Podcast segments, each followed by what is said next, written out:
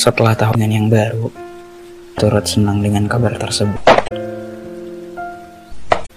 Tapi ya, mungkin ada beberapa yang aku sesali tentang ketidaksanggupanku menjaga kita. Semoga saja orang yang saat ini bersamanya mampu dan hebat merasa bahagia. Itu adalah harapanku. Tidak, aku itu Aku tahu aku salah, dan aku belajar dari kesalahan tersebut bahwa menjaga perasaan yang butuh kesanggupan yang harus sudah matang. Dulu pikiranku masih kekanak-kanakan. Bagi waktu itu, kabar tidak terlalu penting.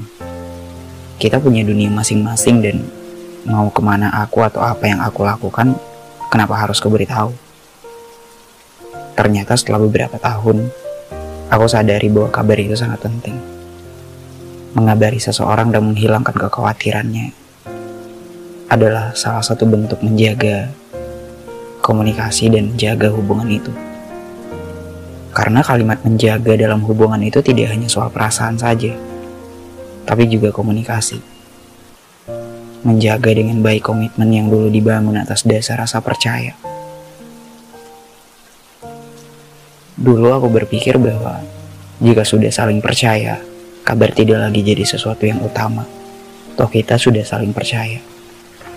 Tapi kepercayaan tidak hanya soal kata-kata. Kepercayaan tidak hanya soal kalimat dan kata percaya itu sendiri. Sebuah percaya lebih dalam maknanya. Sejak aku dengannya sudah selesai, aku kemudian menemukan yang baru.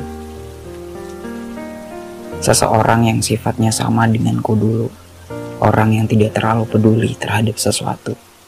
Dan di saat itulah baru aku sadar bahwa dikabari bisa ngebuat hati itu damai.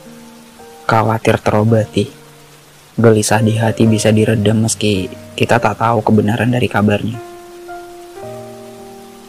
Bisa tahu apa yang dia lakukan hari itu dan bisa tahu aktivitas seperti apa yang membuat dia senang di hari itu merupakan cerita sederhana dengan rasa senang yang amat banyak dan luar biasa.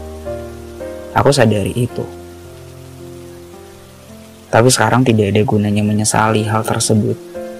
Tidak ada gunanya menyesali hal yang sudah terjadi di masa lalu. Karena tugasku sekarang ya memperbaiki caraku berlaku terhadap seseorang yang nanti akan kusebut sebagai kesayangan. Karena aku tidak bisa berbohong bahwa aku masih mengingat kisah itu. Tapi tenang saja, aku tidak meminta dia untuk kembali, sebab aku rasa dia sudah terlihat amat bahagia dengan orang yang sekarang sedang bersamanya. Aku tidak ingin merenggut bahagia itu.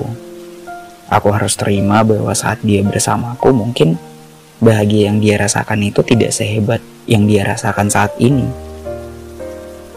Masa lalu sekarang hanya tinggal kenangan, dan aku hanyalah bagian tidak penting dalam cerita hidupnya. Tapi aku tidak pernah menyesal menemukan dia, karena bertemu dengan dia adalah cerita yang layak berada dalam hidupku. Meski cerita itu sudah berakhir, aku harus menulis cerita baru dengan seseorang yang baru juga. Entah cerita itu akan menyenangkan atau tidak, Ya, aku masih sangat berdebar menanti ceritanya.